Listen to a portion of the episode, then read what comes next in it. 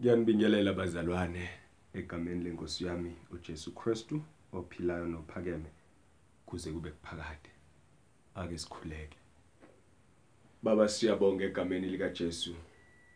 Siyabonga uNkulunkulu wethu onamandla onke ukuthi usibekele lolu suku lanamhlanje na ukuba sikukhonze ukuba sikuzwe ukuba sikulalele ukuba senze njengalokho izwi lakho lisiyala siqondise mongcwele qondise indlela zethu qondise ngosiyami izindlo zethu qondise ngosiyami onembeza bethu qondise inhliziyo zethu sakhe. Silungele ngosiyami izulu silungele ngosiyami umbuso wakho silungele ngosiyami ukukudumisa. Hlala nathi. Silondoloze ngosiyami ngokukholwa egameni lika Jesu siyazinikela owethu ongcwele khuluma ngezwi lakho kithina. Qondisa isimo sezwe lakithi. Qondise ngosiyami uqobo lethu uqobo. Egameni lika Jesu usivikele. Usithwale ngezwi lakho ngosiyami isiduduzeke. Egameni lika Jesu Kristu waseNazaretha hlala nathi. Sibonise ngosiyami ukukhulu bakho ngezwi lakho namhlanje na sibonise ngosiyami ukuthi unathi ngokukhuluma kwakho namhlanje na impilo zethu ngosiyami zikunqanelwe impilo zethu ngosiyami ziyakufuna. Sifuna wena. Sifuna wena uNkulunkulu ophilisayo sifuna wena uNkulunkulu onamandla. Sifuna wena uNkulunkulu wethu ophilayo. Sifuna wena uNkulunkulu wethu ozwelana nathi. Sifuna wena uNkulunkulu wethu yebo osenyanya isono nogcina iqiniso kuze kube kuphakade. Sifuna wena uNkulunkulu wethu ongathethi njalo njalo. Sifuna wena uNkulunkulu wethu onomusa egameni lika Jesu ongagcina intukuthelo yakhe kuze kube kuphakade. Hlala nathi. Egameni lika Jesu Kristu waseNazaretha singabantwana bakho siyadinga. Silondoloze ngokumsa wakho ngoba siyaphephela kuwe. Sigcine. Wena uyinkosi yethu impela siyashona namhlanje na? Ukuthi okuhla kukho ngaphandle kwakho. Khuluma ke kithina ngoJesu Kristu inkosi amen.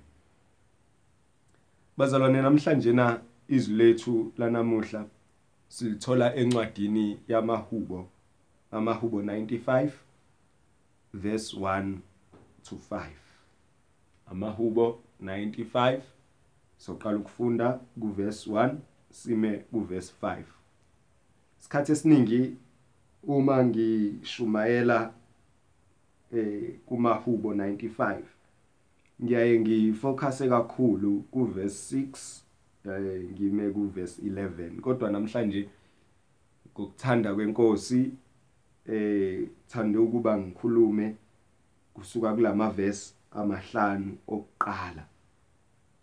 Ngiyathemba ukuthi kuzokhulumeka kuzwakale egameni lika Jesu eh amahubo 95 verse 1 to verse 5 la kufundeka khona kanje bazalwane.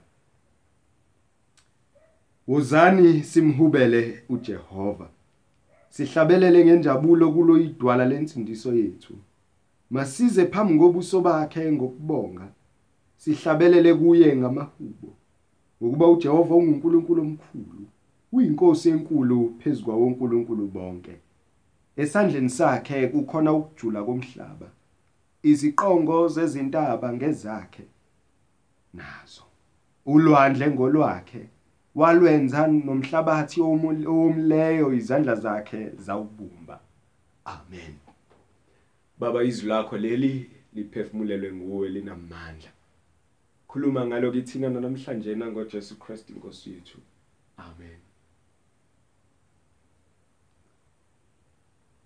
Eh isimemo lesi bazalwane isimemo sokudumisa isimemo sokumbonga uNkulunkulu. Uzani simdumise uNkulunkulu. Uzani simhubele uJehova.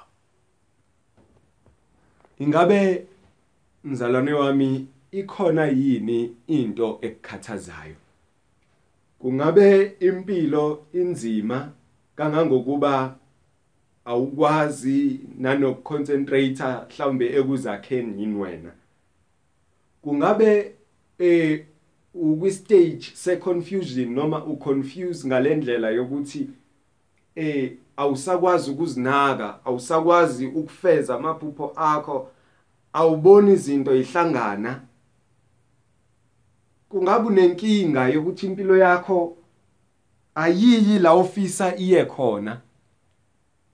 Namhlanje ngizonxenxa ngizonxusa ngizocela ukuthi awuke ukumise kancane wonke lokhu kuyinxushunxushu empilweni yakho.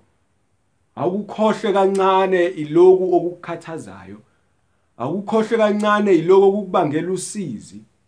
Kodwa uze uzodumisa uNkulunkulu. Awukukhohle kancane ikona konke okuxokozelayo eceleni. Awukukhohle kancane ikona konke okukuhlukumezayo eceleni. Kodwa uzodumisa inkosi uNkulunkulu. Udumise inkosi. uNkulunkulu ungaphazanyiswa yilutho. Yebo khohlwa izinto ezikukhathazayo khohlwa isimo obhekene naso khohlwa impilo namazombe zombe ayo khohlwa isimo izwe lonke elibhekene naso okuyisifo sa COVID-19 njengamanje. Zama ukukhohlwa mhlawumbe umshado wakho obhidlikayo zama ukukhohlwa mhlawumbe isifo esikemzimbeni wakho. Zama ukukhohlwa mhlawumbe abantwana bakho abangakulaleli. Zama ukukhohlwa mhlawumbe abantu abakhuluma kabi ngawe. Zama ukukhohlwa mhlawumbe okubi okubehlekalelayo emsebenzini. Zama ukukhohlwa mhlawumbe izinto noma izimo zempilo ezikushayayo nje. Zama ukukhohlwa mhlawumbe umndeni wakho ongazwani. Zama ukukhohlwa mhlawumbe eh omakhelwane bakho abakuthukayo. Awukuzama ukukhohlwa mhlawumbe izinto zempilo obhekene nazo ngabe ngathi ulahlekelwa yini? Mhlawumbe nje okwesikhashana. Yebo kunzima. Kodwa awuke uzama ukubeka eceleni lokho ebese uattenda lesimemo ebese uza kulesimemo ngonembezo clean. Yebo kubhlungu kunjalo ebese uyeza kulesimemo. Yebo ukhathazekile unjalo ebese uyafinyelela kulesimemo. Yebo impilo ingayenzi eh, ingenzi umqondo kodwa uzinikele kulesimemo. Isimemo sokudumisa isimemo sokuhlanganyela. Ngazwilinye singangahlangana mhlawumbe endaweni eyodwa singaba seyindaweni ezihlukene kodwa attend to this invitation. La uzodumisa khona uNkulunkulu ngeqiniso nangomoya. Hlanganyele ngazwilinye nabazalwane. Hlanganyele ngazwilinye nomzimba kaKristu umdumisa uNkulunkulu ngoba ufanele. Mzalwane ngikumemela ekutheni namuhla uzodumisa inkosi uNkulunkulu. Ngingimemela ekutheni namhlanje uzobonga inkosi uNkulunkulu. Mhlawumbe omunye uyazibuza ngizomdumisa kanjani pastor uNkulunkulu? Ngihlupheka kanje. Omunye mhlawumbe pastor impilo yami uke wayibona yini ukuthi ixakanise kuseka kanjani? Omunye awuboni yini ukuthi umndeni wami nguwufeyila kanjani? Awuboni yini ukuthi ngihluleka kanjani ukunakekela umndeni wami? Awuboni yini ukuthi angikwazi ukuletha ukuthula emndenini? Awuboni yini ukuthi abantu babheke mina ukuthi ngiqhamuke nesixazululo esenkinga ethile? Awuboni yini ukuthi mina ngibhekene nosizo linjena? Manje mothi angilikhohlwe lelo sizo ngizolikhohlwa kanjani? Mothi angiphume kulezo inkinga ngizophuma kanjani? Ngoba ngampela ngifuna ukuphuma. Ngoba ngampela usize ngibhekene nalo lingaphezulu kwami. Ngoba ngampela inkinga engibhekene nazo ziyangihlula i can't deal with them anymore. Uthi angiphume kanjani ngoba vele ngifuna isisombululo sokuphuma? Uthi angiphume kanjani kule inkinga engibhekene nazo ngoba vele mangingathola ithuba ngingaphuma? Mangingathola umuntu ongangisusa kule inkinga engibhekene nazo ngasuka omunye usethi mina yazi sengicabanga nokufa. Ongahle kuze kube isisombululo salento engibhekene nayo. Kodwa ngithi mina ungasenzi leso sinqumo. Ungasithathi leso sinqumo. Omunye usethi ngicabanga nokuzidistance emndenini wami. Kubangani bami nasezihlobeni ke ngiyoqala empilweni impilo engingayazi. Impilo entsha emhlabeni omusha kubantu abasha. Hleze ima kancane. Kodwa come and worship the king of kings. Iza iza sikhuleke woza sihlabele uNkulunkulu hlabelele ngenjabulo kulo idwala lensindiso yethu. Yebo inkinga zikhona zikukhungathile yebo umhlaba mubi uyahlaba. Yebo impilo inzima. Kodwa masize phambi kobuso bakhe ngokubonga. Ahlabelele kuye ngamahubo. Ngokuba uJehova unguNkulunkulu omkhulu uyinkosi enkulu ephezu kwawo uNkulunkulu bonke. Mhlawumbe umunye usiyazibuza ke ngiyakuzwa uthi nasi isimemo kodwa lesimemo sakho sispecial ngani? Njoba uthi angidumisa uNkulunkulu phezulu kweinkinga zami ngeke ngikhohlwe inkinga zami isikhashana lesimemo sakho sispecial ngani? Kungani ngifanele ukudumisa uNkulunkulu? Kungani ngifanele ukumbonga impilo yami ihlanganiseke kanjena? Ngimbonga kanjani uNkulunkulu ngixakeke kanjena? Ngimbonga kanjani uNkulunkulu ngingahluleka ukuprovide the basic means omndeni wami? Ngimbonga kanjani uNkulunkulu? Ngihluleka ukuthola umsebenzi. Mhlawumbe ungcono wena uthi uyambonga uNkulunkulu mhlawumbe kini isimo sihamba kahle. Mhlawumbe ungcono wena uthi ufuna ukumbonga uNkulunkulu fine mbongeke wena wedwa uNkulunkulu pastor. Kodwa ungangifaki mina ngoba inkili impilo yami eh eh mzalwane oh ehlisa ehlisa ehlisa umoya. Kodwa ubuye uzomkhonza uNkulunkulu. Khonza uNkulunkulu ngoba uNkulunkulu. Asikho isimo mzalwane esingaphezulu kokuthi uNkulunkulu unguNkulunkulu. Yebo impilo iyaxakaniseka. Kwesinye isikhathi impilo ihlala i-challenge ukholo lwethu. Kwesinye isikhathi impilo izibuza ukuthi sikholwa yini uma izimo zikanjena.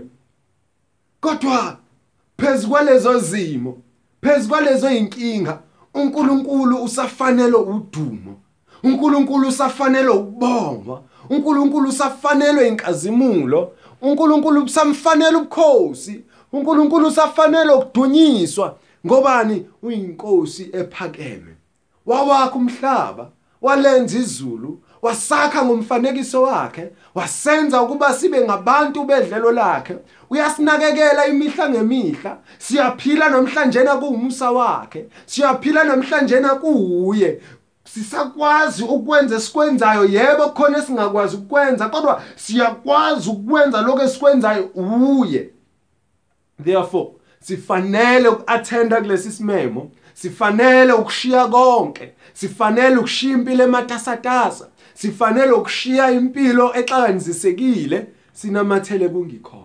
Simdumise ungikhona simbonge ngokuba mkhulu. Simphakamise ngokuba ufanele ngiyazi mhlawumbe namhlanje nakukho kuhle okwenzakalayo empilweni yakho. Kodwa engikwaziyo ukuthi uNkulunkulu ungaphezulu kwezimo zonke. And ngaleso sizathu leso sizathu sona sodwa masimdumiseni uNkulunkulu. Kade sikhuluma insukwini ezidlule ngokuthi masikhuleke singaphezi. Namhlanje ngithi masimbongeni simdumiseni uNkulunkulu singaphezi. Asimdumiseni. Sinamathele kuye ngoba uyithemba lenkazimulo yebo. Asimkhonzeni uNkulunkulu ngenyembezi asimkhonzeni uNkulunkulu ngeenhliziyo ezidiniwe ngeimqondo ecasukile ngoba unguNkulunkulu and uNkulunkulu wethu muhle. Ngoba udalile amazulu nomhlaba wasenza ngomfanekiso wakhe. Samona asigcinanga ngokuba muhle sibe nomfanekiso wakhe kodwa samona akasilahlanga futhi nalapho. Wasinikeza uKristu. Washidabula amazulu. Washiya intokozo kwathi esikhundleni sentokozo ayibekile ezulwini. Wancama ukuzohlupheka ngenxa yethu. Wasinikeza uKristu uNkulunkulu ukuba sikwazi ukubuyisana naye. Yebo. Konke namhlanje nakusasa kungangawenza umqondo kwenzakalayo. Izimo ezenzakalayo empilweni zethu singangawakho umqondo ukuthi zenzakalelani. Kodwa kuyohlezi kwakho umqondo ukuthi uNkulunkulu unguNkulunkulu and uNkulunkulu wethu mkhulu uyatuseka uyabongeka. Ngakho asimbongeni. Simbongeni ngoba wadala amazulu. Simbongeni ngoba wadala umhlaba. Udecorate ngesibhakabhaka wenza ulwandle wawubeka waba nemkhawulo yawo. Asimbongeni ngoba umusa wakhe umi kwaphakade kuze kube phakade. Asimbongeni ngoba uyinkosi yenkazimulo. Mhlambe ukumbonga uNkulunkulu noma ukumdumisa uNkulunkulu ikona kulwa esinako kulezi inkinga esibhekene nazo. Mhlawumbe ukumbonga uNkulunkulu simdumise. Ikona okufunakalayo ukuze sinqobelwe noma zinqotshwe zonke zipheliswe izimpi zonke size sihlabelele sisho njalo ukuthi zopheliswa izimpi zonke kobusa ukuthula konke ngezwi lakho Nkosi. Ngalokho masimdumiseni. Size kuye nezingoma kubhlungu kunjalo sanjelwa abahlobo bethu.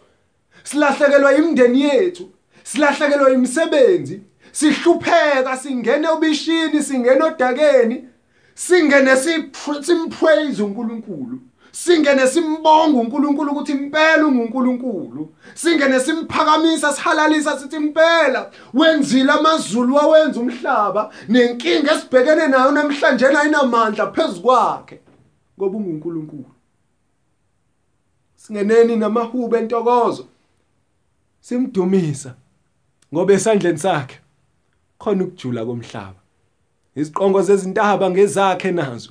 Ulwandle ngolwakhe.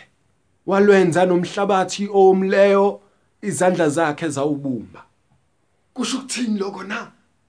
Lokho kusho ukuthi our god is great. uNkulunkulu wethu is marvelous. uNkulunkulu wethu namandla uNkulunkulu wethu engenza konke. Icebo lakhe lingevinjwe. Sho njalo uJobe kuJobe chapter 42 verse 2 ngokuba ngiyazi. Asiqondeni lokho. Masiqonda lokho sokumdumisa. Masiqonda lokho sokumbonga. Masiqonda lokho sokumhalalisa. Masiqonda lokho somnika udumo lumfaneleyo ngoba uyinkosi a call to worship. Yanimema bazalwane. Asimdumiseni uNkulunkulu phezukwezimo esibhekene nazo. Simdumiseni uNkulunkulu phezukwenhlupheko esibhekene nazo. Simdumiseni uNkulunkulu phezukwepandemic ephezkwethu asimdumiseni uNkulunkulu phezukwemndeni eqhekekayo phezukwothando oluqhekekayo phezukwabantu abasilahlayo. Asimdumiseni asimbongeni ngoba uyabongeka fanele udumo. Fanele nayizibongo. Fanele nayizinkazi nayinkazimulo. Futhi siyamdinga nsuku zonke. Asikhuleke egameni lika Jesu Baba wethu ongcwele yisewe Nkosi yethu Jesu Baba sikulambele. Baba sikomele. Baba siyakufuna. Singabantwana bakho Nkosi. Silambele wena. Ingakho Nkosi yami sifuna ukukudumisa kanjena. Sifuna ukukudumisa ngomkhuleko. Sikudumise ngempilo yethu. Sikudumise ngenkambo yethu. Sikudumise ngokukhuluma kwethu. Sikubonge insuku zonke ngoba ufanele udumo baba siyakufuna. Baba sikomele impilo yethu ngosiyami kwesinye isikhathi ayiyenzi sense. Impilo yethu ngosiyami isengcupheni kulamalanga nje. Sifuna wena Nkosi uJesu somele wena. Wena uNkulunkulu wethu owaziwayo wena uNkulunkulu wethu onamandla okusophula. Somele wena uNkulunkulu wethu ongcwele. Somele wena uNkulunkulu wethu ophilayo. Sikomele siyakufuna nkosiyami impilo yethu ingenzi sense siyakufuna. Siyakufuna nkosiyami sijabule siyakufuna. Siyakufuna nkosiyami isikhala sihluphekile sishayekile sisosizini silahlekile. Sishiwe izihlobo zethu sishiwe abangani bethu siyakufuna. Siyakufuna Nkosi yami impilo yethu isiguqukele. Siyakufuna Nkosi yami inyama yethu ishintshele. Siyakufuna Nkosi yami umzimba wethu ugcwele izifo. Siyakufuna Nkosi yami siyakufuna. Sikufuna Nkosi yami ihluleka. Siyakufuna Nkosi yami siswele. Siyakufuna Nkosi yami ishayekile siyakufuna Nkosi yami sigcwele inyembezi emehlweni. Siyakufuna Nkosi yami siyakufuna. Sikulambele singakwazi ukuhlangana. Sikulambele Nkosi yami singakwazi ukubonana. Singakwazi ukunikana ithemba. Singakwazi ukufakazelana siyakufuna. Somele wena engikhona. Somele wena enqaba yethu. Somele wena ophilayo. Ekameni lika Jesu Kristu waseNazaretha. Yebo Nkosi yami siyakufuna sisodwana. Kuneyinkinga baba wethu ongcwele sibhekana nazo imihla ngemihla. Ezinye siyakwazi ukuyibikela abahlobo bethu ezinye siyahluleka. Kodwa siyakufuna Nkosi yami ngoba wena singakubikela noma yini.